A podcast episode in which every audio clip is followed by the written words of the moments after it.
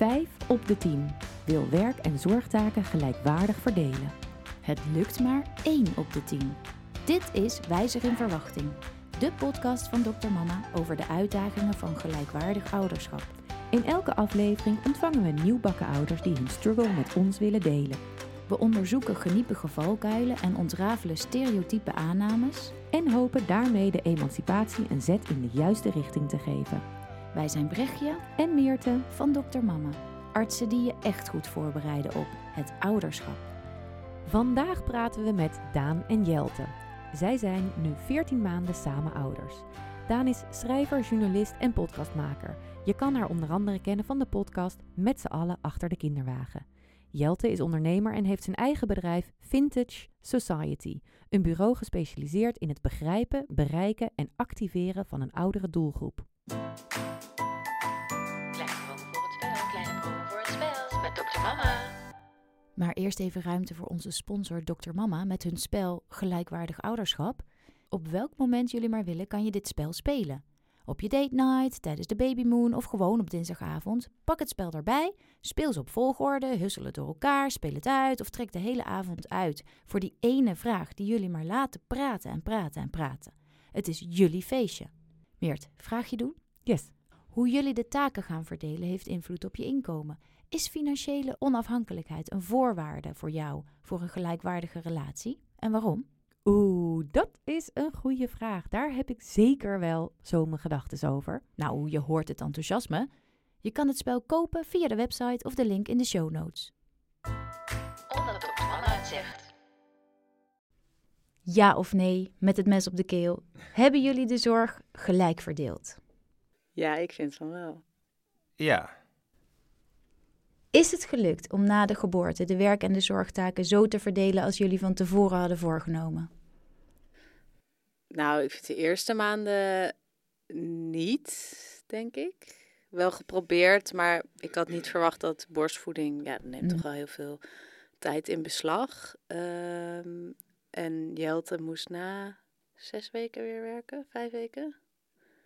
Dus dan ben je, is het ook wel anders. Maar de eerste periode wat mij betreft onmogelijk om het eh, gelijk te doen. Omdat ik denk dat soort van de burden die jij hebt, ja, dat valt niet tegen op de, op de vrouw. In dit geval Ja. valt niet tegen op te boksen. Maar ik vind het ook een moeilijke vraag, omdat we hadden ons vooraf heel veel voorgenomen. Mhm. Alleen al die plannen vielen eigenlijk ook wel een beetje in het water, omdat die wereld ken je nog helemaal niet. Nee. Je weet niet waar je je op voor moet bereiden. Nee, dus we hebben heel veel gesprekken gehad over denk ik elk element van ouderschap. Maar ik moet eerlijk zeggen dat na die eerste twee, drie maanden dacht ik ook wel van, ja, ook die plannen die, Mhm. die zijn ook de prullenbak ingegaan. Omdat we volgens mij gewoon, ja, niet wisten wat. wat het ouderschap was. Nee. Ja. Want dan is de volgende vraag eigenlijk al duidelijk. Hebben jullie wel eens oneenigheid over de taakverdeling? Wel is. We hadden maar dit niet, niet, niet vaak. veel We hadden dit weekend eigenlijk voor het eerst sinds echt lange tijd weer eens een keer. oneenigheid. Spanning, ja. Ja, maar was dat over de taakverdeling? Dat was meer, eh, dat ging natuurlijk, ja, dat ging over de, over de oppas. De Bring oppas it on, nou willen we het weten. Ja, we hadden, waren, we hadden voor het eerst een betaalde oppasjongen Mhm. uit de straat. En eh, we hadden hem dus voor een middagje voor een paar uur gevraagd om te, om te oefenen eigenlijk. En wij En dachten, kwam ons goed uit, hoor. het kwam ons goed uit en wij hadden allebei bedacht dat de ander zou aflossen. dus toen, eh, toen was het half vier. Nee, dat is kwart voor vier. En toen, Ehm, ben jij er nog niet? ja. Dus Ja. toen gingen we, eh, brandden we allebei een beetje los. Maar eigenlijk hebben we dat vaker niet echt. Nee. Ik kan wel een soort boosheid hebben om het huishouden. Maar dat is niet eigenlijk nooit echt op Jelte gericht. Maar meer gewoon dat dat mijzelf heel erg tegenvalt. Dat het Mhm. ouderschap zoveel huishoudwerk met zich mee- meebrengt. En daar kan ik dan wel soms echt zagrijnig om zijn. Zo van, goh, sta ik hier weer te stofzuigen of zo. Maar als ik gewoon even verder denk... Ik bedoel, Jelt is de enige op wie ik boos zou kunnen zijn op dat moment. Ja, omdat er voor de rest niemand anders Ja, die Is. stofzuiger pakt. ja. Ja. Eh, maar we hebben best wel een goede taakverdeling. En als ik altijd even doordenk, weet ik wel dat er bij hem er tegenover net zoveel klusjes staan. Ja, maar goed, dat dan bij de gratie om buiten je boosheid na te kunnen denken. Want dat is meestal Ja. zo gauw als irritatie ontstaat. Ben je dan ben ik, niet, ja. ben ik niet heel helder zelf. Nee. Ja, dat is waar. Maar wij komen niet vaak in een eh, zo van, hè, hoezo doe je dit niet? Ik doe altijd wat. Toch? Of, Nee, het kan ik wel best wel vaak de sfeer bepalen. Mhm. Dus, Maar ik heb niet Ja. dat we heel vaak in de irritatiezone komen. Eh, maar het, het is ook een soort van, ik denk als het wel gebeurt, is het bij gebrek aan communicatie. Zoals afgelopen zaterdag. Van dan communiceer je niet goed over wat je gaat doen. En dan, zeg maar, schiet je daarin. Maar dat was, we waren ook geïrriteerd omdat we allebei schrokken. Ja. Dus, maar waar ik, dus dat, zeg maar. Maar ik, wat ik ook afgelo- afgelopen zaterdag denk, ik word ook wel eens gewoon moe van het communiceren. Mhm. Mm. O- over alleen maar zorg. Dus ik denk ook dat, misschien, het was weekend en we lieten volgens mij een soort van alles even vallen. Ja. Het was denk ik ook typisch dat het op een zaterdagmiddag gebeurt. Waarin ik gewoon lekker aan de Slotenplas lag en ik dacht van, nou ja, het zal wel. En ik was op een babyshower, dus ik dacht, ja, die gaat, hij ligt lekker aan de plas. Hij gaat huis. dat gaat voor. Ja, Ja, Ja, want goed. dat is inderdaad Ja. wat het ouderschap brengt, wat je misschien van tevoren ook niet helemaal bedenkt. Nee, Alles, alle privileges die ik neem, alle tijd en ruimte die ik voor mezelf neem, houdt automatisch in, Mm. in een relatie, dat de ander dan op moet draven en Ja. dingen. Ja. Hier gaan we zeker uitgebreider op ingaan de weg. Maar de eerste vraag die we eigenlijk aan jullie willen stellen. Deze podcast gaat over gelijkwaardig ouderschap. Maar de vraag is natuurlijk: wat houdt een gelijkwaardige verdeling in het ouderschap voor jullie in? Nou, ik denk dat het inhoudt is dat je... ehm, Kijk, er zit denk ik een component van eerlijkheid in. Eh, dat is denk ik wel heel erg belangrijk voor ons allemaal, want, voor ons allebei. Want ik denk dat als we het gevoel hebben dat het soort van oneerlijk eh, verdeeld is, dan krijg je denk ik een soort van een gek gevoel. Dus het is denk ik, die eerlijkheid is denk ik heel erg eh, belangrijk. Maar ik denk ook dat die gelijkwaardigheid is dat, het, eh, dat je een vorm vindt die bij, bij ons past. Dus ik denk ook dat het, dat het heel erg persoonlijk is en dat, en dat het belangrijk is dat, ja, dat het ook soort van, dat het ook op gevoelsniveau goed voelt en dat je ook een beetje intuïtief kan handelen op een gegeven moment. Kijk, na de eerste zes maanden is het gewoon overleven, maar op een gegeven moment dan, ja, volgens mij hebben we die modus wel gevonden en voelden het op een gegeven moment wel gelijk, gelijkwaardig. Ehm, maar dat Ja, heeft even geduurd. Ja, en het gaat denk ik ook wel heel erg over mm, dus, een, dus beseffen van het kan niet in elke periode helemaal gelijk zijn. Of dat hoeft niet. Mhm. Dat is niet per se het uitgangspunt, maar wel dat je de hele tijd open kan zijn over van waar heb ik behoefte aan, eh, kan luisteren en zien waar heeft die ander behoefte aan, hoe kan ik dat faciliteren. Mhm. Ehm, ja. Maar ik zat net ook nog na te denken over. Het is ook nog wel. Eh, ik, wil ook wel vaak nog empathie, merk ik. Omdat ik denk dat ik er toch als vrouw nog meer mee bezig ben van. Ik wil niet een oneerlijke verdeling. Eh, merk ik dat ik eh, vaker, denk ik, in mijn hoofd bezig ben van. Is het nu eerlijk? Mhm. Of ehm, is het oneerlijk? En ook wat doet de buitenwereld? Wat wil de buitenwereld meer van mij dan van Mhm. Jelte? En ik heb het idee dat dat nog best wel traditioneel is. Maar aan de andere kant doe ik dat dus ook met mijn eigen hoofd. Ja. Dus als we bijvoorbeeld een familiefeest hebben, dan op zaterdag dan denk ik maandag al wat is haar leukste outfit, want veel mensen hebben haar nog niet gezien. Ehm, zijn die kleren al gewassen en zo niet, Jelte het was, dan dat ik dan denk van oké, dan moet hij wel even zeggen dat die dan voor zaterdag gewassen moet worden. En dat, dat soort dingen doe jij denk ik niet. Maar ik denk dat het jou ook eerlijk gezegd niet zo heel erg boeit of ze haar leukste outfit aan heeft. Dus eigenlijk is dat een nog veel interessantere vraag. Mhm. Waarom vind ik het zo belangrijk? Omdat ik denk dat andere mensen zullen zeggen van... oh, nou, ze heeft wel een beetje vieze of niet zulke leuke kleren aan. Mhm. Dus En dat is de schuld van de moeder. Ja, Ja. precies. Ja, want dat is het. Hè. Je kunt zeggen eerlijk verdeeld en jij zegt heel duidelijk dat is ook persoonlijk, want het is niet alleen Ja. maar 50-50 precies. Dat kan misschien niet eens, maar je, je kijkt meer naar de gelijkwaardigheid. Heb je, en dat is wat jij zegt, Daan, is de waarde die ik heb, is dat dan nog voldoende? Wordt voldaan aan mijn behoeftes? En vervolgens zeg je, en als je het dan breder trekt, kijk je ook naar, oké, wij kunnen dit onderling zo bedenken, maar de maatschappij kijkt ook mee. En jij hebt misschien ook geïnternaliseerd wat er van jou als moeder anders wordt verwacht dan van jou als vader. En dat, dat speelt in jouw hoofd ook een rol in het stukje ja. gelijkwaardigheid. Ja, en dat kan je natuurlijk zelf niet helemaal rechtzetten. eh, en dat proberen we wel. Dus ook bijvoorbeeld met inschrijven bij de crash. Dat we heel duidelijk hebben gezegd dat niet ik altijd als eerste wordt gebeld. Dat we echt allebei worden gebeld. Volgens mij hebben we zelfs jouw telefoonnummer als eerste gezet. Dus de moeder wordt natuurlijk zo vaak gezien als belangrijkste ouder. Wat ik heel erg jammer vind voor Mhm. en de moeder en voor de Mhm. vader. Ja. Mhm. Want dat is gewoon niet zo. En dat is bij ons thuis zeker niet zo. Maar ik denk wel dat, het, dat de valkuil is dat de buitenwereld dat wel zo bedenkt. Ja. Of dat de moeder verantwoordelijk is of zo. Mhm. Ja. En is dat dan ook die gedachte? Want je startte met: ik kan me wel eh, boos maken over het huishouden. Dan sta ik te stofzuigen en de enige die het over kan nemen is Jelte. Dus mijn boosheid kanaliseert zich dan een klein beetje meer naar hem.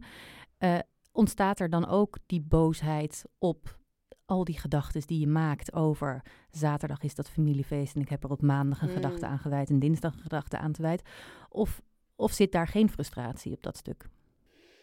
Eh, jawel, en ik denk ook wel dat ik steeds meer, wat Jelte net al zei, we krijgen steeds meer ruimte om te reflecteren. Mhm, Ik schreef ook laatst mee aan een essaybundel over het uiterlijk van de vrouw. De buitenkant heet het. mhm. En daar stond ook een heel mooi essay in van Dalila Hermans. Dat is een Belgische columnist en maker en schrijver. En zij schrijft ook heel erg dat ze eigenlijk, eh, of ze onderzoekt haar relatie met het uiterlijk ten, in verhouding met haar dochters. Dus dat ze daar eigenlijk best wel mee bezig is van... eh, of zichzelf afvraagt, moeten onze kinderen bijvoorbeeld leren of ze mooi zijn? Moeten we dat Mhm. elke keer zeggen? En Mhm. zeker als je dochters hebt, weet je Mhm. wel, hoeveel nadruk leg je daarop? Dus ik denk met dat soort dingen, dus dat soort kleertjes, weet je wel, dat ik daar dus toch zoveel belang aan hecht.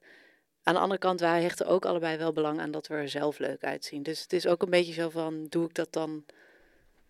Hecht ik te veel belang aan het uiterlijk of doe ik ook gewoon wat ik met mezelf doe weer Ja, ik vraag me ook af of je hier echt heel erg die maatschappelijke structuren in al moet trekken. Tuurlijk heeft, speelt het een rol, dat geloof ik heel erg. Mm, Aan de andere kant denk ik, ik vind het ook wel belangrijk hoe zij eruit ziet. Het, is meer, het is meer, denk ik, op in deze fase jouw taak geworden. Maar ik zie het ook gebeuren dat ik me daar misschien eh, later wel iets meer mee bezighoud. Want ik vind het ook wel leuk. Ja, En ik denk ook dat, dat bedoelde ik misschien ook al met het persoonlijk maken. Het is ook, denk ik, eh, gelijkwaardig als je de dingen die jij leuk vindt eh, Mm. in het ouderschap een beetje toe kan eigenen. Mhm. Dat vind ik ook. eh, ik zou het bijvoorbeeld heel, echt eh, heel naar vinden als zou jij alle zorgtaken doen. Dus al zou ik, zeg maar, al zou, en dat is volgens mij traditioneel is dat best wel vaak zo. Ik zou dat echt, Mhm. ehm, nou, dat zou bijna een nachtmerrie zijn, denk ik. Dat, zou, dat, dat, dat ik niet Ja. met haar ehm, zou kunnen douchen of haar niet zou verschonen. Of als zij ziek is, dat ik dan niks zou doen. Dat is letterlijk een nachtmerrie. Dus, ik, Ja. eh, dus ik, eh, om, ook omdat ik het gewoon en eigenlijk best wel leuk vind en ook heel erg belangrijk. Mhm. En als zou dat onderdeel van ouderschap missen, dan zou het voor mij echt niet gelijkwaardig zijn. Nee.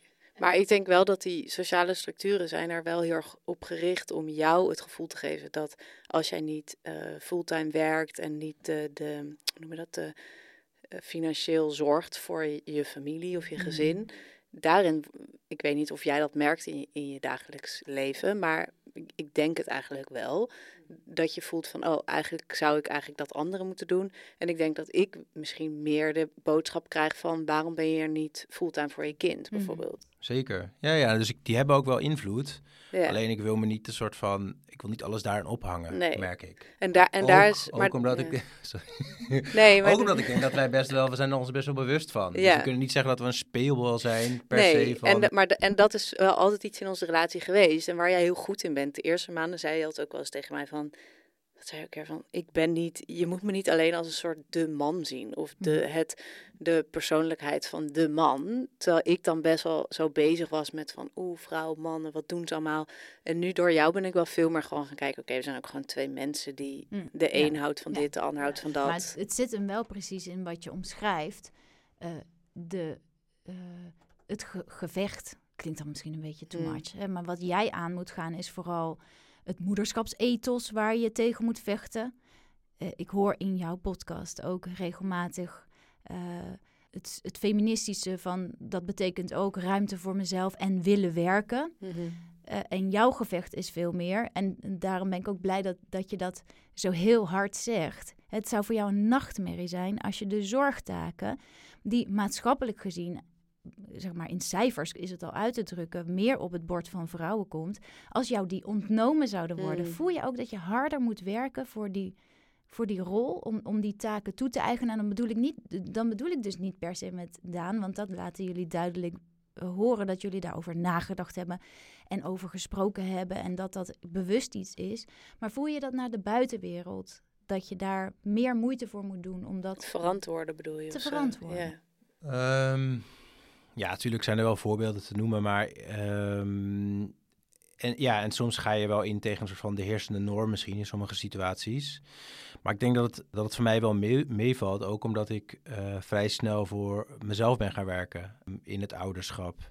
En we in coronatijd. En in coronatijd, inderdaad. Ja, dus ja, ik denk dat die twee elementen heel belangrijk zijn, eh, waardoor ik dat, die structuren zo niet echt heb gevoeld. Want hiervoor werkte ik gewoon in een best wel sterke corporate cultuur. Ja, dan denk ik dat, eh, dat het voor in mijn positie best wel gek is als je, om, eh, als je zegt ik ga niet mee met dat etentje, want het is mijn avond Ja. met, mijn, eh, met mijn dochter.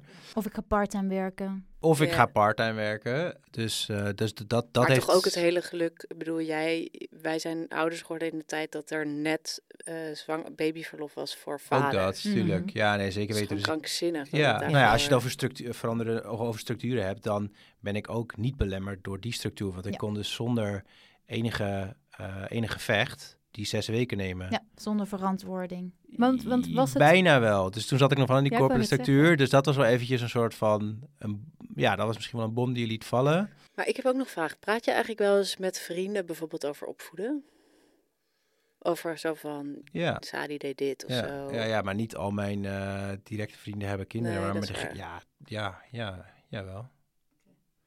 Want is je vriendengroep dan ook eh, gelijk gestemd? Zeg maar, eh, heeft iedereen de constructie die zegt... joh, ik zou het echt heel erg vinden om niet eh, zoveel bij te dragen in die zorg? Misschien wat minder uitgesproken, maar ik, ik denk dat merendeel wel, ik wil niet, misschien niet 50-50, maar Hmm. daar wel mee bezig is.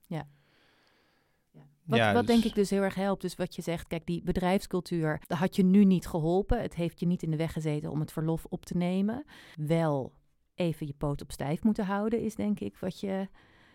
Ja, maar het helpt dat het gewoon bij wet was. Mhm. Want ik Ja. denk Ja. dat, dat al was, het- als een jaar eerder eh, Mhm. dezelfde situatie geweest en ik had die vakantiedagen gehad en ik, maar ik had het geprobeerd, Mhm. dan denk ik dat ik een andere discussie had. Ja. Dan had ik een discussie gehad. Maar nu was het zo van even een soort van. Ik had een Amerikaanse manager, dus die moest ik allereerst uitleggen dat het überhaupt een wet was in Ja. Nederland. Ja. En toen wel, en hij, hij, is sowieso coulant, maar hij moet het ook weer verantwoorden natuurlijk. Dus Ja. hij moet een uitleggen ook. En iemand in Amerika heeft Ja. trouwens, in Nederland is het nu zo dat. Ja. Eh, en Jelte gaat dat doen. Eh, ja. Ja. en dan is het eigenlijk een discussie, want zij bedenken zich wel twee keer om hier tegen in te gaan. Maar ja, dus het, het hielp wel erg. Ja. Maar ik moet wel zeggen, als wij nog ooit een kind mogen krijgen, dan zou ik niet. ehm, dan zou ik wel zeggen, we gaan allebei echt drie maanden doen. Of zeg maar allebei, want ik had best wel na zes weken zo van, oh, ik heb zin om te beginnen. Mhm. En daarna werd ik zo moe, omdat je gewoon dan nog anderhalve maand wel heel veel alleen doet. Mhm.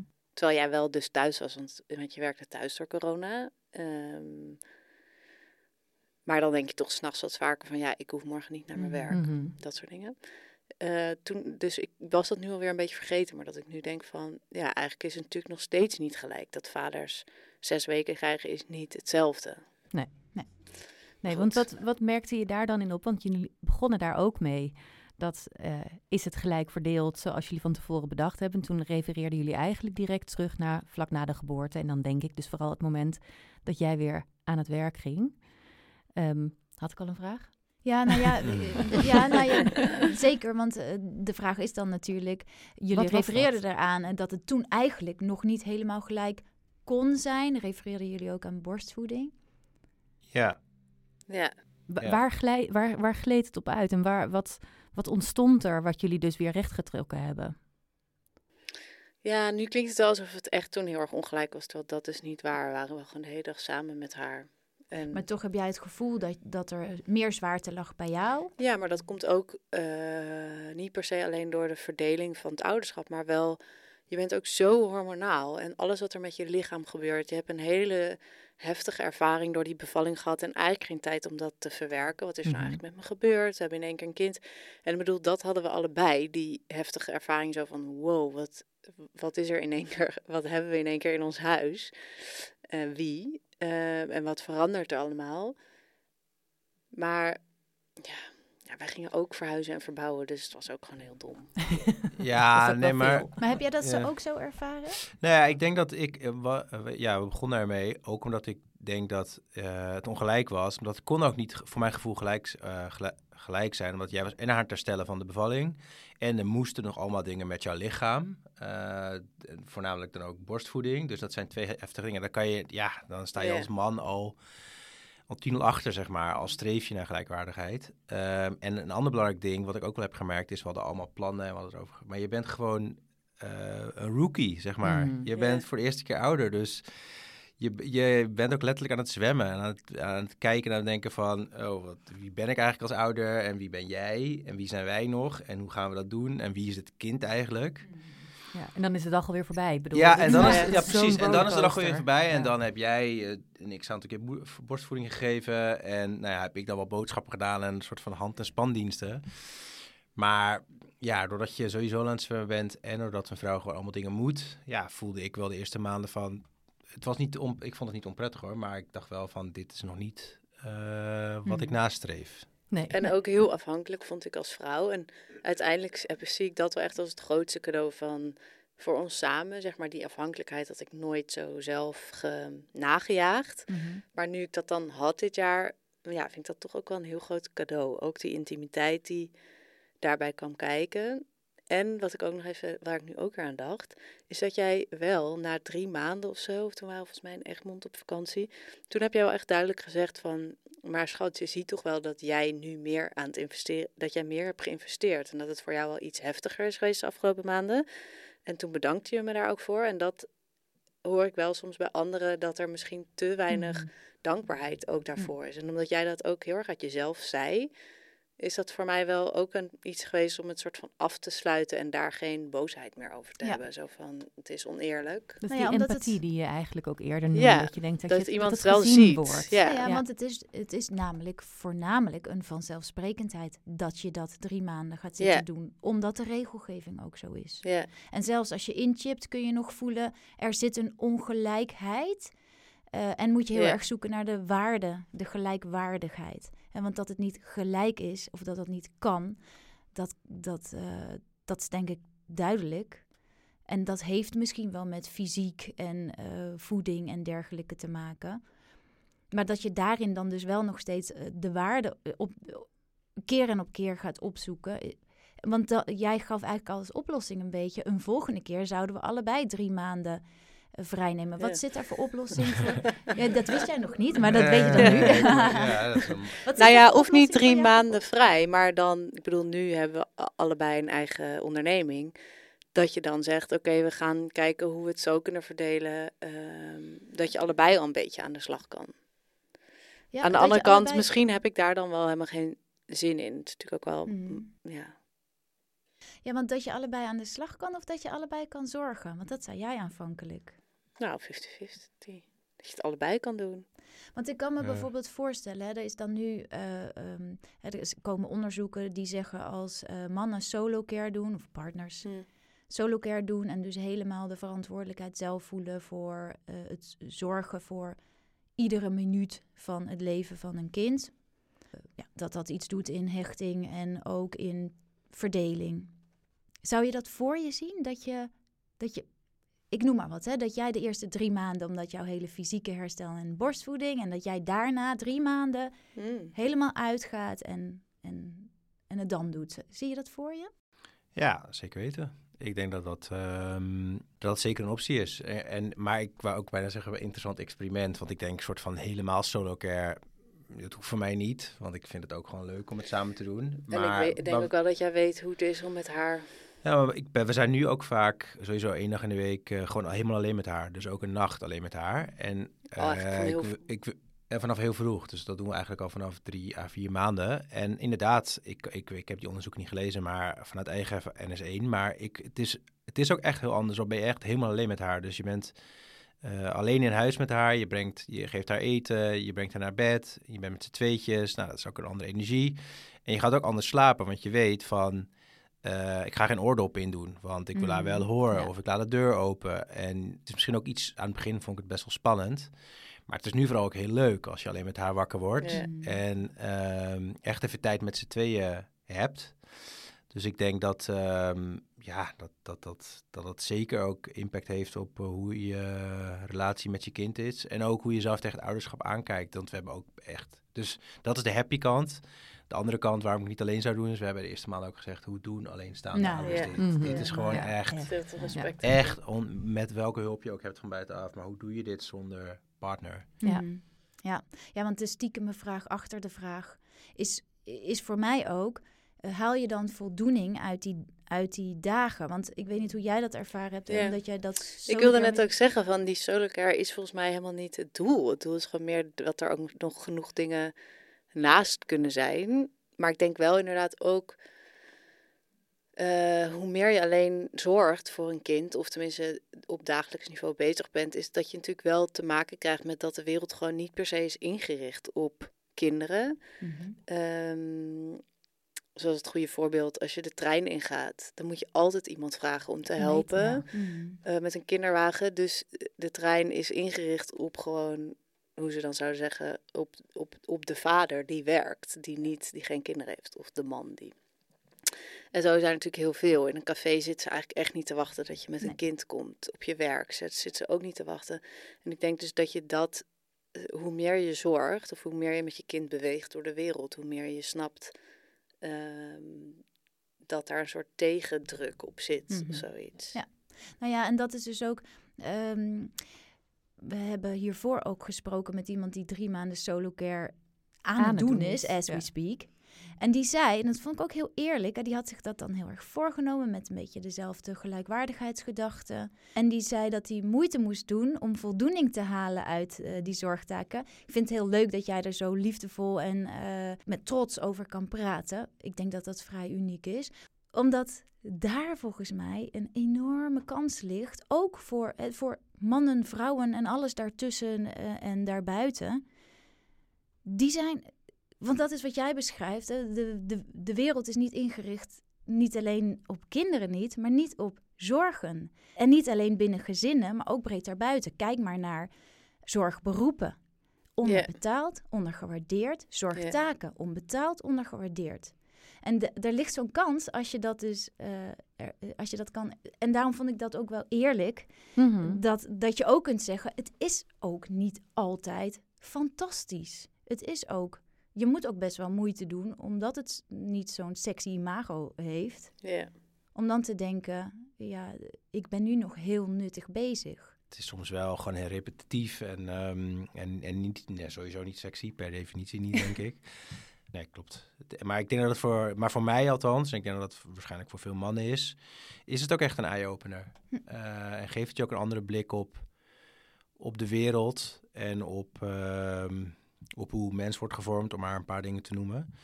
Dus ik denk dat, eh, en ja, laat staan als je dat drie maanden achtereenvolgens doet, dan denk ik dat je eh, dat er echt een wereld voor je open gaat. En dat je ook letterlijk anders tegen, ik denk, alles aankijkt. Mhm. Ja. Maar wat misschien wel goed is om te zeggen, want wij we hebben dus twee huizen. Ja. Nog eh, eh, het, ons, mijn oude huis hebben we aangehouden. En daar werken we en slapen we allebei elke week één of twee nachtjes.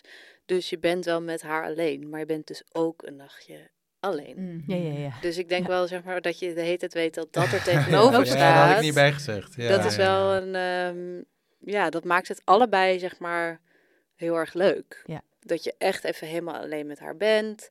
Dat we echt met z'n drieën zijn is heel erg leuk. En dat je ook nog alleen bent. Dat is wel Ja, heel, en dat die afspraak zelfs eh, gewoon zo staat dat je je ook niet hoeft te verantwoorden voor je Precies, alleen tijd. Je ja. hebt gewoon afgebakende Ja. tijd waarin je zelf mag verzinnen. Wat ga ik hier doen? Ja. Ga ik slapen? Ga ik werken? Aan een project? Ga ik naar de kapper? Whatever. Ja. Ja, dus op de woningmarkt krapte, maar voor iedereen twee huizen zou een oplossing zijn. Nee, maar daar, daarom schaam ik schaam me er ook wel. Ik durf het nu eigenlijk pas een beetje zo hardop ook te zeggen. Omdat ik eh, denk van ja, we hebben natuurlijk een hartstikke grote wooncrisis. Aan de andere kant denk ik, als we geen kind hadden gehad, dan had niemand gezegd van moet je je Nee, en, en dat is ook zeker niet wat ik bedoel. Ik bedoel eigenlijk veel meer. ehm, dit zijn dus de middelen die je nodig hebt. Dus Ja, waar je zelf ook op zoek gaat in jouw, Ja. in jouw podcast met... oké, hoe, hoe kan je buiten dat construct van gezin... en hoe kan Mm. je eh, ja, je waardes behouden... is dit dus eh, absoluut een privilege. maar wel eentje waar ehm, heel veel waarde in zit, omdat je zo dicht bij jezelf eventjes mag komen. Ja. In ons En- geval. Want ja. ik, kan, Ja. ik denk Ja, ook dat heel veel mensen echt... Nou ja, dat, dat voel ik dus wel. Dit is denk ik een goed voorbeeld. Heel veel mensen in mijn omgeving zeggen... waarom zou je dat... God, waarom zou je in godsnaam een, dag per week alleen gaan slapen? Er is toch helemaal niks aan? Of zonde van het geld? Of zonde Ja. van de moeite? Want Ja. dat is het ook wel. Het is geld, moeite enzovoort. Ja. Maar ja, dat is denk ik... Dat past bij ons. Ja. Dat past Ja. ook bij de afspraak die we eigenlijk... vanaf het begin af aan van onze relatie voor ons kind al hadden. Van we willen tijd voor onszelf hebben. Ja, terwijl wat ik er dus ook nog mooi aan vind van hoe jullie dan die constructie eh, bedacht hebben, is dat doordat je toch, ook al is het maar één nacht of twee nachten per week, helemaal in die solo care zit, dat je elkaar beter begrijpt. Weet je, als je het nooit doet of een keertje je oppas papa dag hebt, zeg maar, en ik ga een keer een leuk avondje uit en dat is de eerste keer of de enige keren dat je met solo care eh, te maken krijgt, dan, dan versta je elkaar minder goed. En ik denk dat dat dus ook heel erg helpt in nou ja, relatie überhaupt. Jij noemde al, het is dus een cadeautje dat je zo afhankelijk van elkaar bent. En dat dat verdieping geeft Ja, in plaats van eh vreselijk. benauwenis. Ja. Ja. Ja, omdat, er nu, omdat het nu ook gewoon weer wel onafhankelijkheid is. Ja. Dus dan is het gewoon een beetje een evenwicht. precies. Want ik denk dat we eh, langzaam maar zeker wel een beetje beeld krijgen van eh, wie jullie zijn en wat gelijkwaardig ouderschap voor jullie betekent. Maar zou je nog eens kunnen samenvatten waarom je gelijkwaardige verdeling in het ouderschap nastreeft?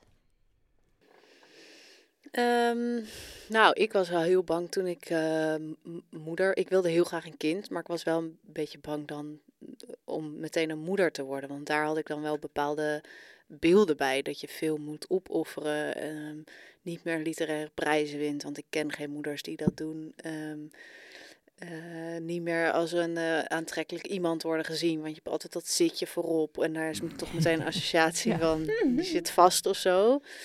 Eh, dus ik had daar veel en je vrienden niet meer zien. En eigenlijk is ook heel veel wel uitgekomen, dat heel veel, heel veel angsten, omdat het inderdaad veel verandert. Mhm.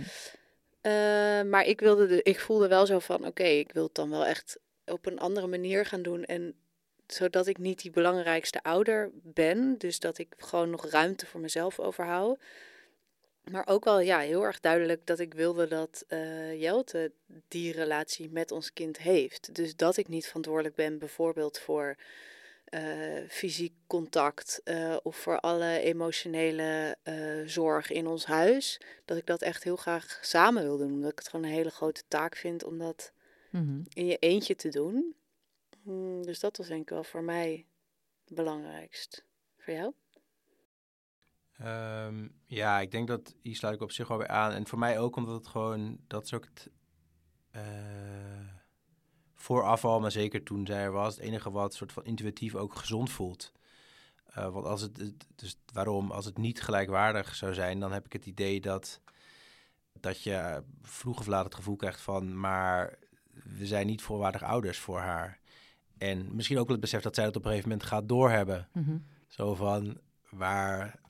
de- de- Ja, het zijn twee ouders, maar die ene is net iets meer ouder dan de ander. Mhm. Ja. Dus wat ik, wat ik eerder al zei, als, je, als ik dus niet bepaalde zorgtijken zou doen, dan denk ik dat, dat zij op een gegeven moment zou denken van, oh, maar eh, mijn vader die, die is er alleen maar voor een soort van traditioneel mannelijke taken. En dan krijg je denk ik een ander gevoel bij die ouder dan. Ja, Eh, ja, en ja. Dat, dat, dat, dat zou ik, nogmaals, dat zou ik echt een nachtmerriescenario vinden als Ja. zij op een gegeven moment dat besef krijgen. En bij mij zou ik daarvoor al gewoon daar wakker van liggen. En hoe komt het dat je daar zo bij stilstaat? Is dat je eigen voorbeeld? Of Ehm, Goeie vraag. hele goede vraag, ja. Ja, ik weet het niet. Ik heb, ik heb altijd wel de, de behoefte gehad om... eh, het is niet dat ik om... Als ik over het ouderschap nadacht... eh, en ik heb eigenlijk al wist ik heel vroeg ik wil ouder worden... Dan, eh, dan was voor mij altijd een onderdeel daarvan... waar was dat wel? Om, om te zorgen... eh, en om te... Mijn moeder zei... Wat zei mijn moeder ook weer over mij? Ja, maar dat ja, dat is sloeg er grappig. Ja, aan. moeder zei is eigenlijk tegen mij... Je bent niet per se verzorgd, maar wel beschermend. Ja. ik weet niet precies wat, een- maar... is, dat is volgens mij Ja, haar eigen... Ja, ja, want ik, ik heb het idee dat ik, dat ik altijd beide wel had, maar misschien zit er ook wel iets, ja, er zit, ja, er is ook iets is wel grappig, beschermends in. wij zeggen heel vaak moeders baren, borstvoeden en bemoederen. En vaders.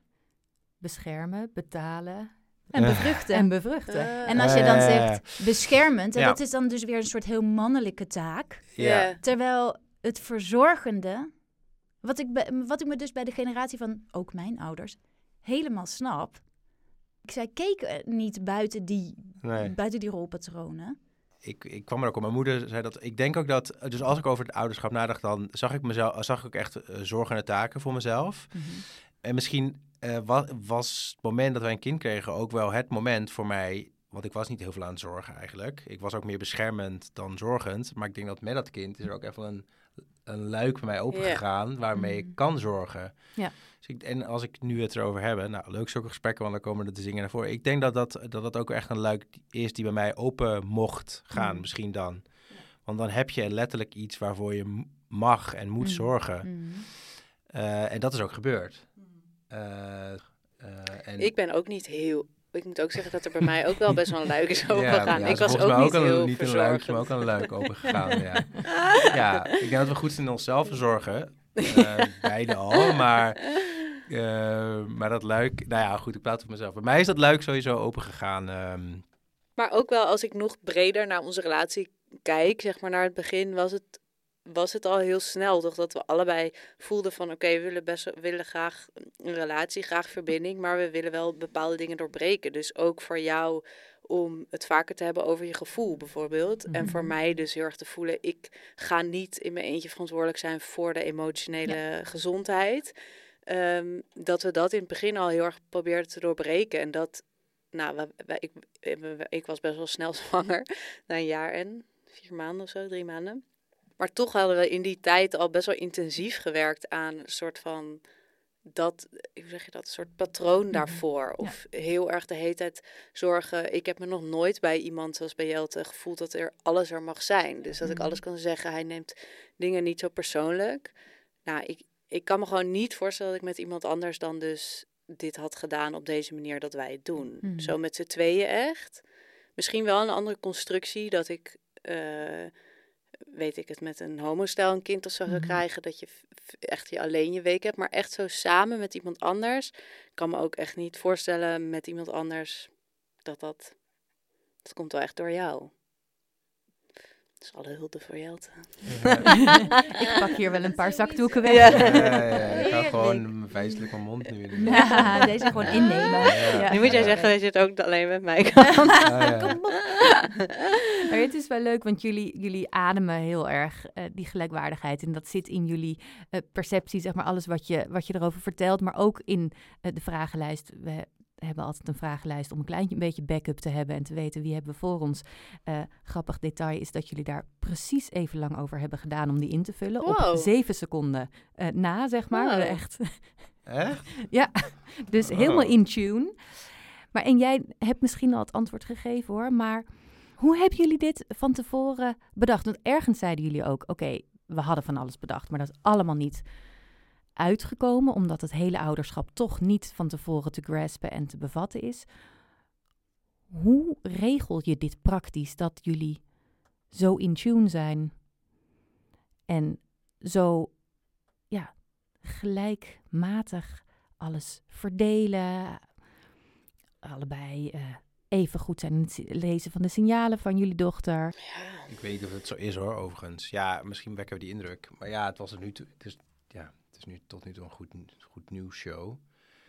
Maar We komen straks op de, op de Oh, ja, bad things hoor. Ja, ja, ja. Nou ja, nou oké, als we daar straks... Ja, dus ik denk dat het gaat ook best wel goed. Eh, ook omdat we eigenlijk vanaf dat zij er was, volgens mij toen pas zijn begonnen. Dus eh, omdat alle plannen volgens mij gewoon in het water vielen. Want Nou, we hadden hard wel... werken? We hadden, ja, het is sowieso hard werken, maar wij hadden, we, ik had bijvoorbeeld heel erg het idee, Jelte had eerst ook een kleiner huis, dat we eh, met de baby heet het heen en weer zouden gaan. En Mhm. dan dus echt, dat je echt langere tijd in je eentje had, of langere tijd met haar alleen was. Maar eigenlijk bleek al heel snel dat je gewoon op een dag inderdaad blij bent als je de borst hebt gegeven en naar de etels bent gegaan. dus heen en weer naar die huizen zat er niet in. Ehm, dus daar kwam snel een ander plan voor, dus wat we nu hebben. Maar ik denk wel, als we het er nu zo over hebben, dat dat... Dus dat je elke week sowieso alleen bent, wij allebei, niet alleen ik, maar ook jij, dat dat... En dus ook echt het alleen zijn. Want in het begin vond ik dat heel lastig. Dat ik echt Mhm. daar zat en dat ik dacht, ben ik nou aan het doen in mijn eentje? Wat zal ik dan gaan doen? En dan toch maar altijd weer met iemand afspreken in plaats van gewoon even op de bank gaan zitten.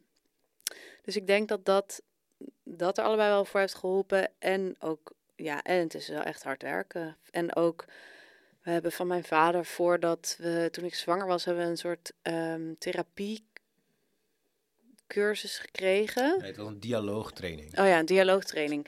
En dan gingen we, het was echt heel, Maan Ballemans heet ze, als iemand dat ook wil doen. Het was heel waardevol, want toen leerden we zeg maar om op een bepaalde manier een gesprek met elkaar te voeren, dat echt diep gaat en eh, je moet dan heel dicht bij elkaar zitten en eigenlijk de een ontvangt en de ander zendt. En je vraagt ook echt aan de ander, heb je ruimte om iets te ontvangen van mij? En dan vertel je ergens waar je mee zit of zo en de ander moet jou dan elke keer herhalen. Dus Mhm. de eerste keer merkte, ook, merkte ik bijvoorbeeld dat jij dan, dan had ik iets gezegd en dan ging jij iets anders herhalen. Dus dan had je gewoon zelf er iets op Ja. gelegd. Ehm, dat zou ik ook vast gedaan hebben. Maar als, als je dat doet, en we zouden dat echt nog wel vaker kunnen doen, eh, maar het kost veel energie. Want ja, als je dat op zondagochtend doet, ben je eigenlijk wel een paar uur daarna echt moe. Dus het is ook spannend. Maar eigenlijk elke keer als we dat doen, we waren namelijk na de eerste maanden en die verbouwing en zo, toen waren we echt, was er wel wat boosheid op elkaar. En toen hebben we dat gewoon een paar keer gedaan, of niet gewoon, toen hebben we dat een paar keer gedaan. En dan kom je wel heel erg op een punt dat je echt voelt van, oh ja, ik zit zo vanuit mijn eigen ding de hele tijd te kijken. Ehm, terwijl voor hem spelen ook zoveel dingen en kijken hoe ik doe. En dus daar, dat heeft, heeft ons denk ik ook wel heel erg eh Ja, dat was, dat was zeker wel een handige eh, Tool. tool die we hebben gek- gekregen daarmee. En ik zat ook nog te denken van ja, ik denk dat we ook best wel eh, goed waren in berusting. Dus dat gewoon toen zij er was, zeker aan het begin, dat bepaalde dingen niet meer konden. Dus daar Mm. was ik een soort van over uit mijmeren. Maar toen dacht ik nee, dat kwam ook gewoon omdat het corona was. Mhm. Ja, Dus het, Ja. was, het Ja. was denk ik niet Ja. zo... Ik denk ook wel dat wij een Ja. soort van op een gegeven moment tegen elkaar hebben gezegd... oké, de komende periode kunnen bepaalde dingen gewoon... of je moet je bepaalde dingen niet meer willen. Maar dat was ook makkelijk, omdat het gewoon de hele wereld stil lag. Ja. Dus Ja. er waren ook letterlijk geen terrassen open. Ja. En eh, er waren ook weinig verleidingen waar je normaliter wel op zou duiken.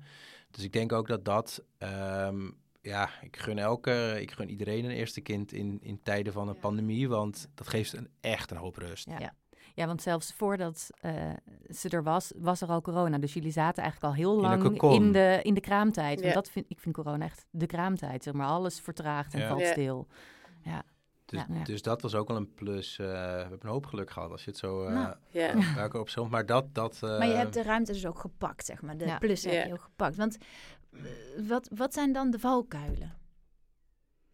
ja, wat ik net zei, gewoon vanuit mijn eigen ding alleen maar denken. En denken dat hij geen emoties heeft of geen goed, het niet het beste met mij voor heeft. Maar bedenken van, eh, ja, zo heel erg vanuit jezelf denken. Hoe zou je dat, hoe verwoord je dat beter? Nou, dat is goed verwoord. Ja? Ik snap het helemaal.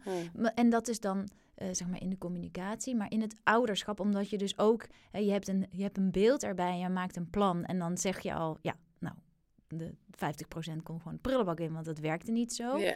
Wat, zijn, wat zijn voor jullie daar de valkuilen?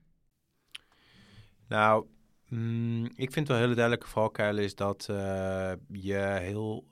Een valkuil zou kunnen zijn, eh, ik denk ook voor, voor mij, voor ons, is dat je wel terugvalt in een soort van...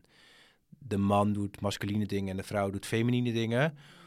Vooral omdat je gewoon moe bent. Je bent gewoon vaak moe en, ehm, en je handelt heel erg instinctief. En is het dus best wel logisch dat je in een soort van die rolmodellen of soort van die instinctieve dingen valt.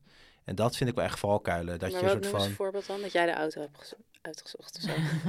Nee, want dat, daar ging week overheen. Dus, eh, dus dat was. ehm, nee, maar ik denk dat. dat ehm, nou ja, dus, dus als je slapeloze nachten hebt gehad, dat. ehm, eh, dat jij dan wel alle zorgtaken ineens gaat doen. eh, zonder erbij na te denken. Hè? En Hmm. ik dan ehm, ja, wel een auto ga kopen of zo. Of je Inderdaad. terugtrekt in je werk?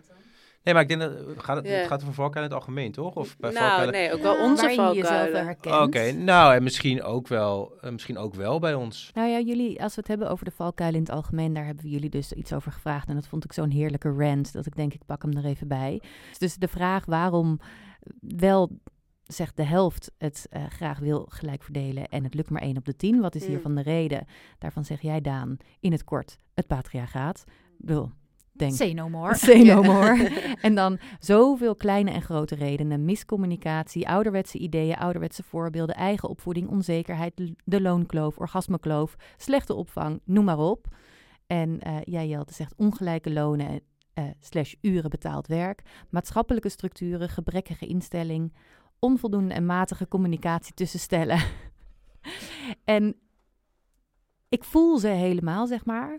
Eh, ik vroeg me af, zit er er dan in deze voorbeelden eentje dat je denkt, oh ja, stiekem glijden we daar soms naar af? Of is dit heel erg wat je dus echt ziet om je heen of in de buitenwereld? Ik, ik moet lachen om degene die ik zelf... Ik heb gebrekkige instelling. Ja, Vind ik heel leuk. heel Ja, maar tuurlijk me heb ik ook eh, zeker eh, bij vlagen een hele gebrekkige instelling. Als ik moe ben of gewoon even geen zin meer in heb. Ja. Of afgelopen zaterdag was eigenlijk ook Ja. een gebrekkige instelling. Ja.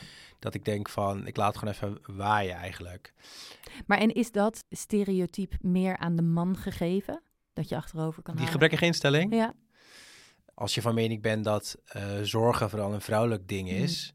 eh, dan kun je misschien makkelijk eh, en in die gebrekkige instelling vervallen van... oké, dan is het aan, de- aan de vrouw. Maar ik weet niet of dat... Ja, dus dat zou je eronder kunnen scharen. Maar dat is bij mij dus niet per se... Alleen op zaterdag soms. Alleen op zaterdagmiddag het geval, inderdaad, ja. Als het Eh, lekker weer is. Ja, Nee, maar goed, ik denk precies dat met die gebrekkige instelling. ehm, wat, je, wat je natuurlijk heel vaak.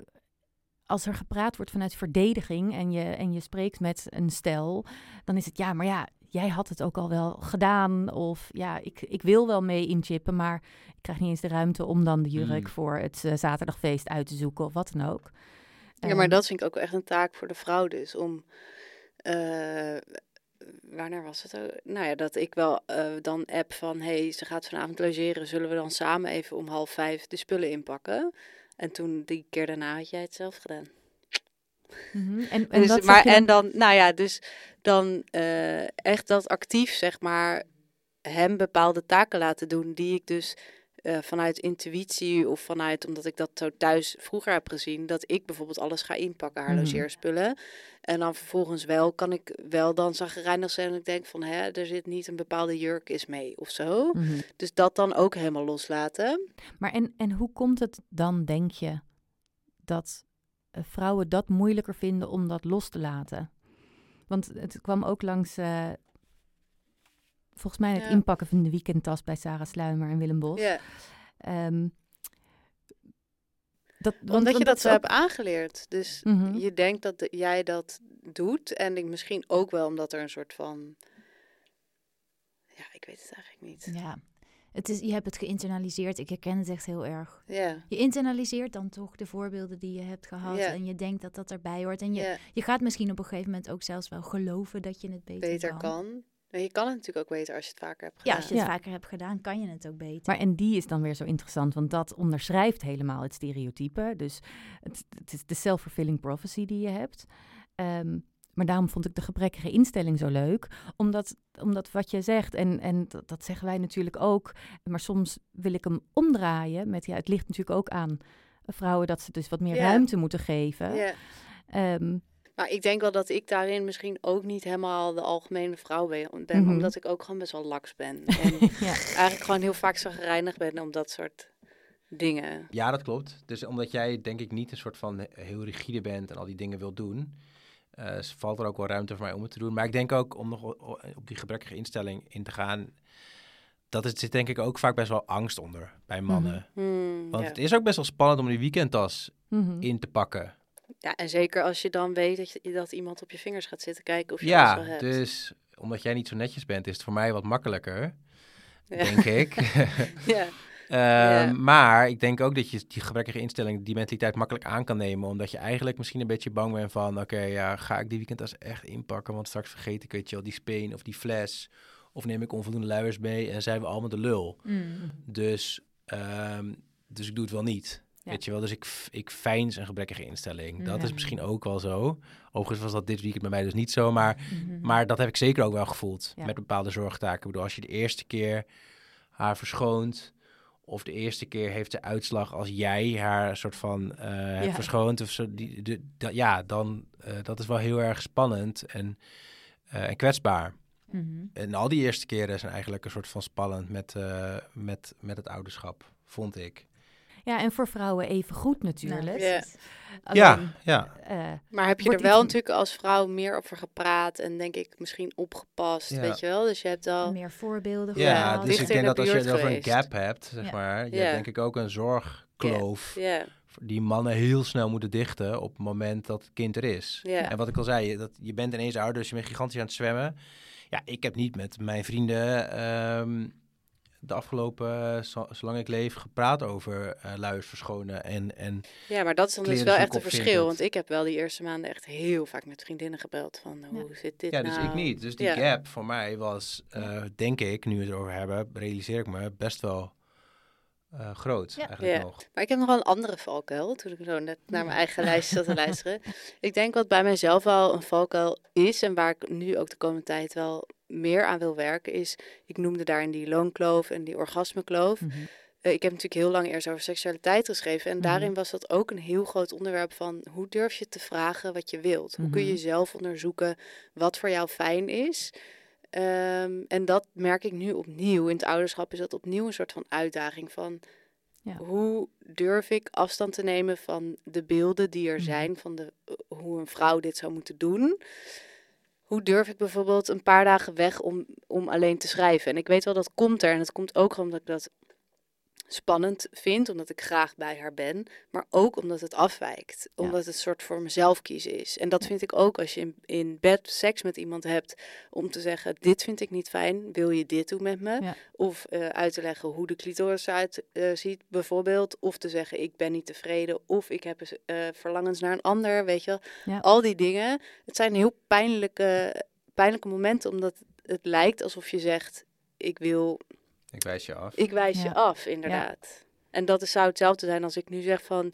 ik wil graag eh, dit voor mezelf doen. Lijkt Ja. dat een afwijzing naar Ja. mijn gezin. Mhm. En ik denk dat ik... Ik weet niet of dat voor jou ook zo is, maar ik realiseer me nu zo van... oh ja, dat is natuurlijk met die loonkloof, dat is met de orgasmekloof. Dus niet dat dat dus de schuld is van vrouwen, zeker niet. Nee. Eh, want we leven in die structuren, maar om daar individueel toch iets aan te doen... is dus wel volgens mij vaak pijnlijke gesprekken aan te Mhm. gaan.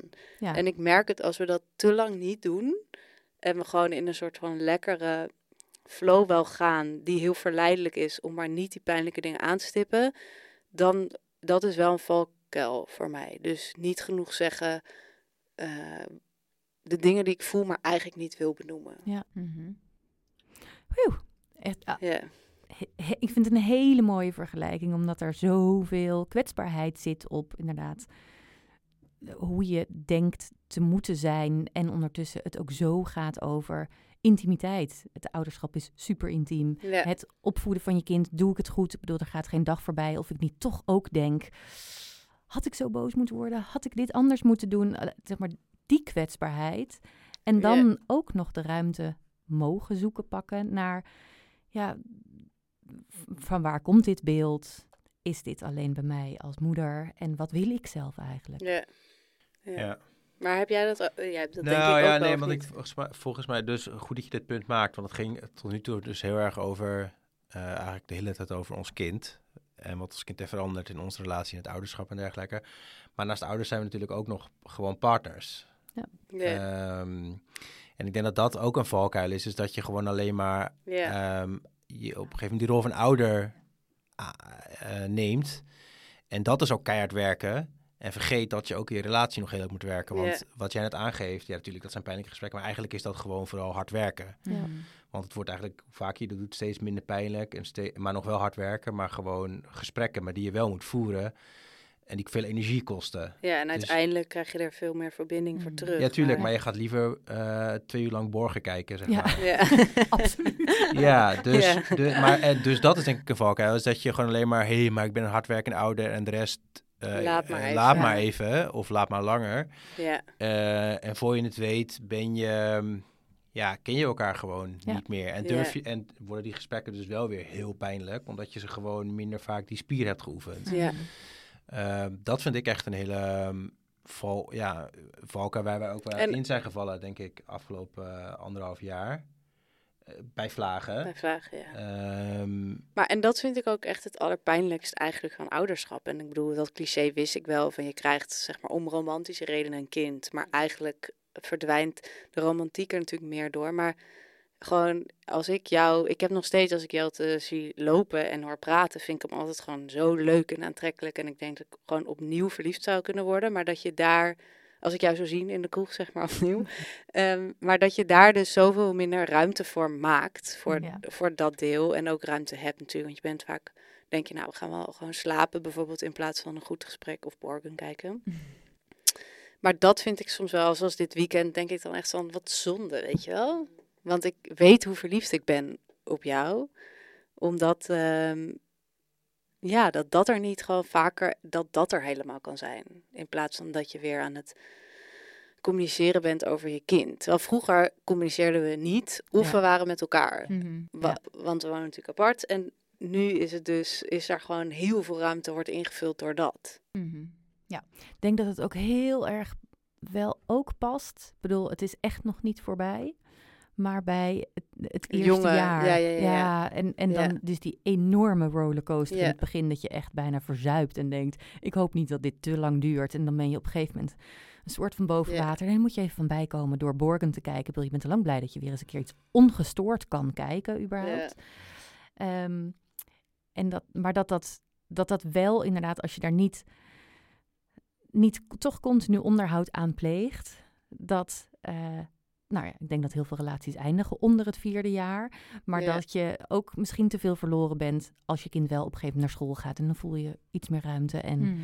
licht en lucht. Ja, als je dan niks gedaan hebt aan patronen, niks gedaan hebt aan liefde tussen elkaar, dan, eh, ja, wat hou je dan precies over? Ik denk Mhm. dat dat inderdaad een, eh, een belangrijk oogpunt is om eh, Ja. voor ogen te houden. Ik zat nog wel heel even te denken over die valkuilen. Want ik dacht, ja, nu hebben we heel erg over onze individuele valkuilen. Terwijl we misschien veel meer valkuilen ook moeten zien van de structuren om ons heen. Dus Mhm. bijvoorbeeld gratis en betere kinderopvang. Mhm. Ja. Ja. Wil je een Ja. extra uur Nee, uittrekken? nou ja, nee, maar wel dat ik dacht van anders leg je weer zo bij het individu neer. Ja, zo van zorg voor jezelf, zorg voor Ja. de ander, weet je wel. Terwijl eh, ja, we leven in een kapitalistisch systeem waar we mensen zo hard moeten werken Ja. om rond te komen. Ja. Ehm, dat zijn natuurlijk de valkuilen ja, waar, waar we allemaal mee... Dit zijn de kuilen in de weg die Ja, je zeg ja. maar... Dit Kom is er maar eens omheen. En we hebben besloten, we beginnen met deze persoonlijke gesprekken met, met mensen die, nou ja, wat op zich een, een soort selectieve club is. Waarbij we dus vooral mannen aan het woord willen laten ook over zorgtaken. Om vervolgens die, de- het Oh ja. systeem en de structuur.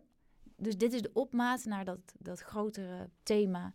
Waarbij je al die meer maatschappelijke kwesties. Dus dit, dat is ook niet bedoeld voor in deze podcast. Oh ja. eh, Maar goed, ik hoor het mezelf dan zeggen en denk ik... oh ja, ik trap weer in dezelfde valkuil eigenlijk om mensen zelf of individuen verantwoordelijk te houden. Terwijl Mhm. nou daar zijn veel grotere structuren Ja. verantwoordelijk voor. Dat, dat is helemaal waar. En ik denk, ehm, jij in je eentje hoeft de verantwoordelijkheid niet te dragen voor het veranderen van het systeem. Dat kunnen we niet. Dus dat is ook wat wij in ons werk doen. We doen het gewoon bottom-up. Je hebt te dealen met dit systeem. Dus daar zijn wij het in ieder geval heel erg niet mee eens. En dan moet je dus handvatten krijgen om binnen dit systeem te overleven. En dat is wat we nu doen in het micro en, en vanaf de bodem. En natuurlijk is het doel dat we met z'n allen het Ja. systeem gaan veranderen. Maar, maar de podcast is echt bedoeld om dat micro even Oh te ja. doen. Ja. Maar is, is Maar wel goed misschien om aan te stippen dat je Ja. niet als je het luistert denkt van... oh, dus als ik... eh, nee, dan krijg je nog meer taken erbij. Moet je nog harder werken. Ja, Terwijl een aantal dingen natuurlijk niet zomaar omver gegooid kunnen worden. Ik vind het zelf heel leuk dat. eh, volgens mij hadden ze heel erg gehoopt vanuit de overheid dat het hele partnerverlof bijna niet opgenomen zou worden. En die cijfers zijn stukken beter eigenlijk dan zij dus hadden gehoopt. Ehm, er is geen weg meer terug. Er is echt, de, de- hier in dit stukje verandert nu echt heel veel, omdat je eindelijk de kans krijgt. En zo gauw als je de ervaring opdoet, je ook ja, niet meer eigenlijk niet meer, niet meer afscheid neemt. ja. Nee, nee en ik, ik denk dat ik nog wel even wil zeggen, inderdaad, wat betreft die cijfers, is dat ik ook wel eh, best wel trots ben op Nederlandse mannen. Mhm. Eh, wat dat betekent, volgens mij, is dat heel veel mannen het, eh, het opnemen en gebruik van maken en er iets mee doen, wat het dan ook is. dat weet ik niet. Eh, Aan de Sloterplas liggen. ja, ja. Twee maanden op vakantie Ja, ja. Na, na de geboorte. Eh, maar dat, dat vind ik wel heel eh bemoedigend om te zien. Want eh, waar we mee begonnen, ik, eh, heb die, ik heb het verlof opgenomen. Eh, en daar ben ik heel blij mee. Maar het was ook best wel spannend Ja. Ja. om, om die gewoon te Ja. nemen. En je was Eh, een van de eerste. En als een van, ja, ja, misschien. Juli 2020, dus misschien, ik weet niet. Ja, maar dat, ja, dat was misschien ook nog wel deels van de spanning. Maar sowieso dat gewoon helemaal loslaten en Mhm.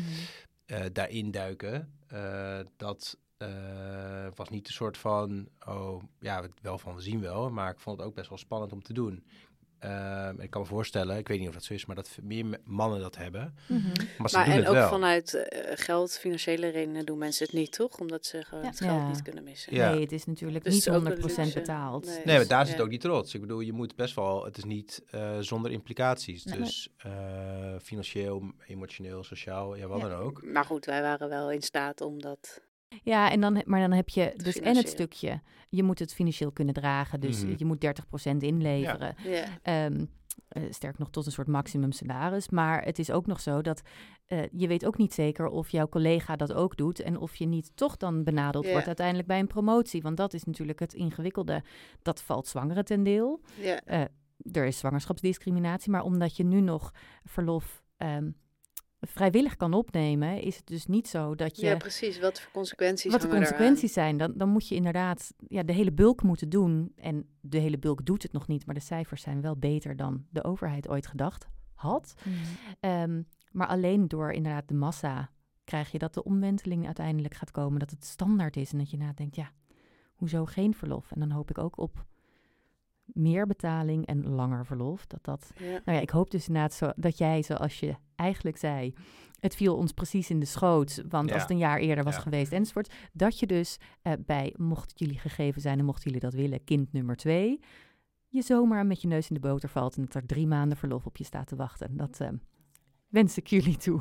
Als freelancers ook nog eens. Als freelancer ook nog eens. Inderdaad, ook met zijn eigen onderneming. Ja, ja je, je mag altijd dromen. ja. Dream big. Eh, wat kan een gelijkwaardige verdeling jullie... Wat levert het jullie op en wat zou het jullie nog meer kunnen opleveren? Hmm. Ja, ik denk wel meteen aan een onafhankelijkheid en afhankelijkheid. Dus onafhankelijkheid als Jelte evenveel zorgt en evenveel initiatief neemt, dan betekent dat dat ik meer vrijheid krijg. ehm, waar ik heel gelukkig van word. En vervolgens ben ik dus ook weer gelukkiger in mijn relatie. Ehm, en tegelijkertijd een afhankelijkheid, omdat er komt ook een soort vertrouwen als Jelte. als ik zie dat hij heel veel doet, dat hij helemaal die band heeft. Dus er ontstaat ook een soort van veiligheid en vertrouwen dat ik denk, ik kan me aan je binden of zo. Of we zorgen voor elkaar, zoiets. Dus ik denk dat je, dat je dat daar allebei mee creëert. En ik denk wel dat ik dat ook allebei heel erg nodig heb. Eh, die onafhankelijkheid en die afhankelijkheid. Het is echt een stevig fundament, waardoor je ja, beide Ja. kanten op kan gaan. Ja, dus je kan heel makkelijk, of makkelijk, je kan weggaan, zeg maar, van Mhm. het gezin en, je, en mijn geliefde of en Jelte, maar ook weer terugkomen en ook willen terugkomen. En dat de hele tijd, dat is natuurlijk een heel spannende spanning die je hebt in een relatie, maar dus ook in een gezin nu. Eh, misschien klinkt het allemaal een beetje vaag, Nee, maar... het is leuk, want hoor jij ook dat ze precies de cirkel van hechting maakt? Weglopen en weer Ja. terugkomen. Dus je Oh, hebt ja. in, de, in de hele hechtingstheorie heb je een kind die op onderzoek uitgaat, steeds verder, verder, verder van zijn ouders af. eh, een paar keer terug omkijkt van, joh, ben je er? En de bemoedigende knik krijgt van, joh, ga jij maar lekker op avontuur. Tot het moment dat je valt. En dan, wiep, kom je terug. Want dan heb je dus het allebei gehad. Het vertrouwen om weg te mogen gaan en los te mogen te laten. De waarde te mogen vinden in je onafhankelijkheid. En vervolgens als er iets aan de hand is, je altijd zeker weet dat er een vangnet is en iemand die wegens de afhankelijkheid er altijd voor je is. Ja. Ja. En ik had ook eigenlijk nooit verwacht dat dat zo in een liefdesrelatie zou. Want je beschrijft nu denk ik een hechtingstheorie voor kinderen. Een hechtingstheorie Maar voor kinderen, maar ik dat, voel wel ja. dat dat ook, eh, of dat had ik niet verwacht dat dat ook zo in een liefdesrelatie. Ja. Met een kind erbij.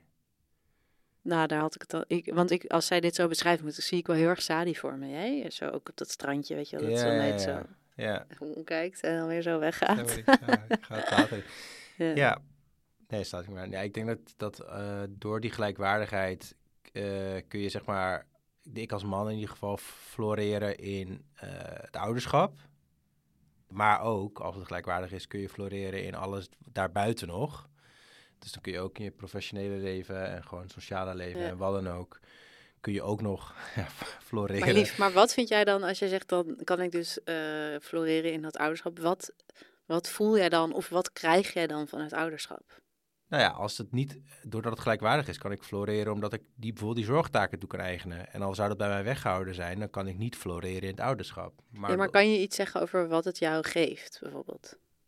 Dat je mag Eh, zorgen. Ja, ja, nou, wat omdat- voel je met haar? Ehm, nou, die, dat luik, dat is opengegaan, dat zorgluik, ja, dat maakt mij echt een rijker mens.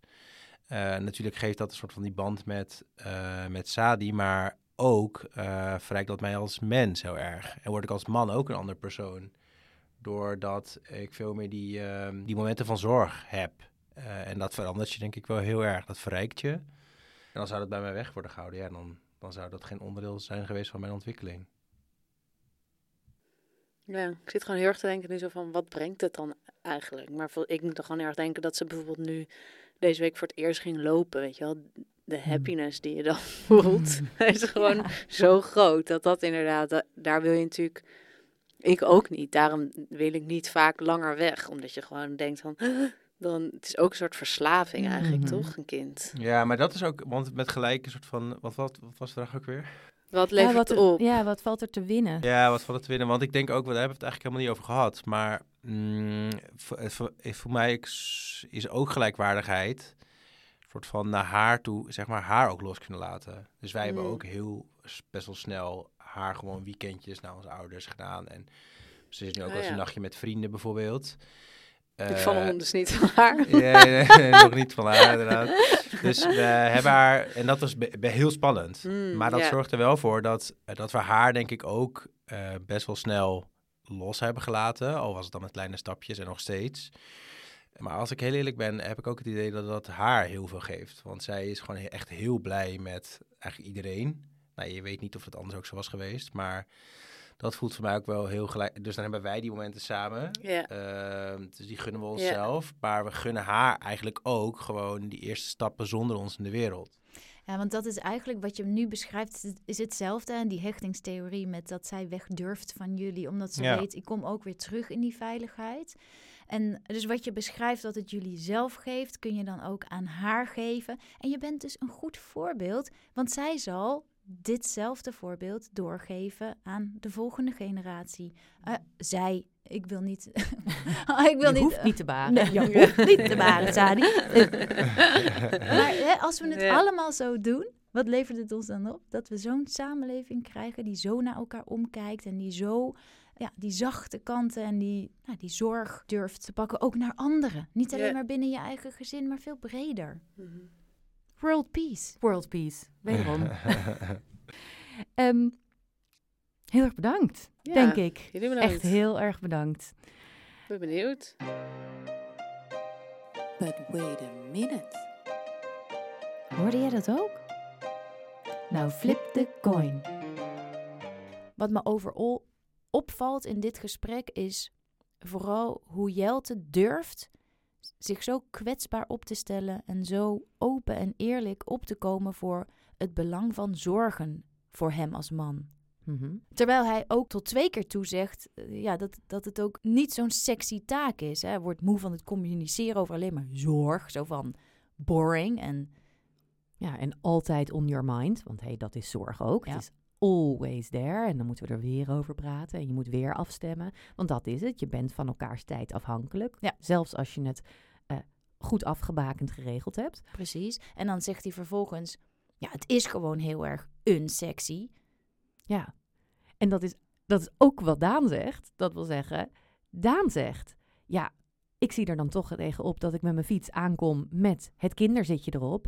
Terwijl we vinden allemaal mannen achter de kinderwagen sexy. Ja. Dus zorg is niet sexy, maar als we een man zien die dat doet, dan is dat meteen dat je denkt, oh, die wil je binnenhalen of die is dus goed voor jouw kroost, zeg maar. Op de een of andere manier Doet dat wat? Terwijl eh, een vrouw met een kinderzitje, nee, liever kom je op je fiets zonder kinderzitje, want dan ben je tenminste niet ver, verwoorden tot die sloof. Is Ja, dat zeg maar dus de... saai. Maar het, is ook, het doet me ook een beetje denken aan eh, het gegeven dat wanneer er meer vrouwen in een bepaald beroep komen werken, dat dat afneemt in aanzien. Ja. Dat is toch En ook dus ook wel... meteen financieel minder gecompenseerd wordt. Precies. Dat is ook eentje om eens wat dieper naar te gaan Ja, kijken. want dat. dat En dan dus toch ook waarom we zo verschillend kijken naar een taak die eigenlijk hetzelfde uitgevoerd wordt. Maar als een man dat doet, we denken, wauw, die loopt daar parmantig trots achter die kinderwagen. En als we een moeder zien fietsen met een kinderzitje, je er eigenlijk niet meer ziet. Ja. Want je doet niet meer mee. Nee. Wat is dat? Daar wil ik ook echt heel graag antwoorden op Ja. van experts. Verder viel me ook op hè, dat, en dat is in meerdere spre- gesprekken al naar voren gekomen, dat eh, we het allemaal vrij logisch vinden dat de eerste maanden niet eerlijk te verdelen zijn. Ja, nee, ja, nee, toen niet, toen niet gelijk, want borstvoeding. Ja, dat is een En- excuus voor alles. Ja, en ik snap wel. het wel. Ik bedoel, ik snap wel dat je als man geen borstvoeding kan geven, de. Maar hoe bestaat het dat dat, dat zo zwaar weegt in het, nou ja, logisch dat jij nu de- de tietensloof bent en ik andere dingen moet doen.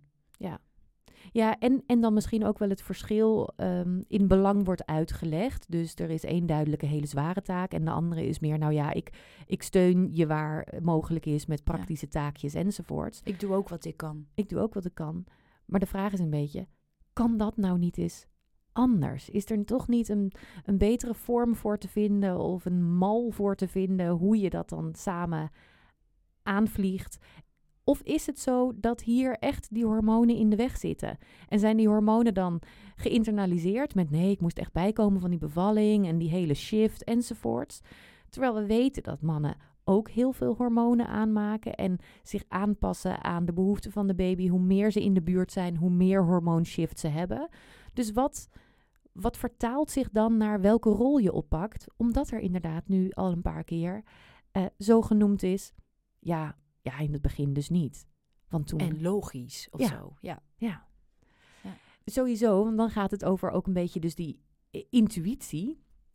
Jelte zegt, intuïtief voelde ik direct eh, dat mijn rol als ouder belangrijk is vanaf het moment van geboorte van de baby. En dat vond ik ook heel interessant, omdat ik dacht, ja, intuïtief, de meesten zullen misschien die intuïtie hebben, maar zijn niet bij machten om dat te horen. Eh, als ik kijk naar mijn eigen situatie, wij hebben dat nooit intuïtief gevoeld. En dan met name mijn man niet, want die voelde gewoon, ja hé, hey, er is ook werk. En dat is dus ook een hele belangrijke rol. En eigenlijk wordt er vanuit mijn werk meer belang bij die rol gelegd dan bij mij als ouderschap. En zus had he- geen ruimte om te luisteren naar die intuïtie. En dan vraag ik me dus ook af, is dat zo? Of die sociale normen dan dus niet intuïtie overschrijven? Mhm. Ja.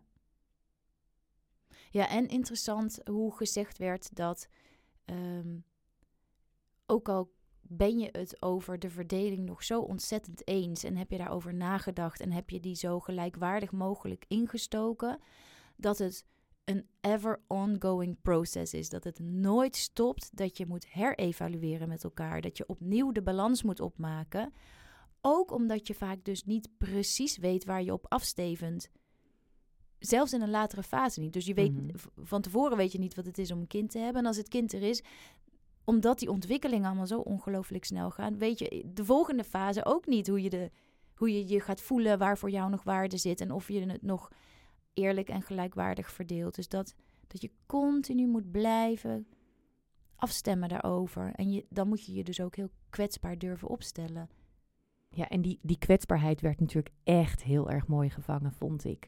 Omdat eh, Daan zich realiseerde, ja hé, hey, eigenlijk lijkt dit ook heel erg op de orgasmekloof. En daarin komt zo dat besef dat ik denk, hoe diep en ver geworteld zit dit alles toch met elkaar verweven? Dat je diezelfde kwetsbaarheid kan voelen in afwijzing, als je het anders aanpakt, omdat je luistert naar jezelf. En dan de afwijzing in de ouderrol, als ik nou iets meer tijd voor mezelf heb. Ehm, en heeft dat dan weer te maken met de diepe menselijke behoefte tot verbondenheid? Dat je zelfs je eigen belang misschien een klein beetje opzij zet, omdat je zo erg graag verbonden wil blijven. Terwijl eh, als je dat wel durft aan te gaan, die kwetsbaarheid, je eigenlijk meer verbondenheid gaat vinden. Alleen je moet eerst dat drempeltje over. Oeh, ja, en eh, voordat we dan weer gewoon een half uur doorpraten, omdat we zo helemaal starstruck zijn en het echt heel erg leuk was om eh, ja, op deze diepere lagen door te gaan. Eh, mocht je nou ook denken, oh, oké, dit was echt een awesome gesprek en ik wil hier meer over horen en de denkbeelden die uh, deze twee samen hebben, dan doet Jelte niet mee aan de podcast. Maar Daan, die heeft een eigen podcast gemaakt en die heet Met z'n allen achter de kinderwagen. Dat is een feministische podcast over inclusief ouderschap. Want wat gebeurt er eigenlijk als we met z'n allen openlijker kunnen fantaseren hoe we de zorg voor onze kinderen vormgeven? En ze zegt ook, omdat het feminisme zich tot nu toe vrijwel alleen maar richtte op de emancipatie van betaald werk in plaats van onbetaald werk, doen nu in veel huishoudens vrouwen nog steeds het meeste. Worden ook ondertussen niet alle ouders als echte ouders gezien en speelt het opvoeden zich vooral af achter gesloten deuren. En kan dat ook anders? Dat onderzoekt ze in haar podcastserie Met z'n allen achter de kinderwagen. Heel erg bedankt voor het luisteren. Blijf er nog lekker een beetje over nakouwen. Strooi ondertussen met wat sterren of schrijf een comment um, bij Apple Podcasts. Volgende week weer een nieuwe aflevering van Een kind van anderhalf jaar.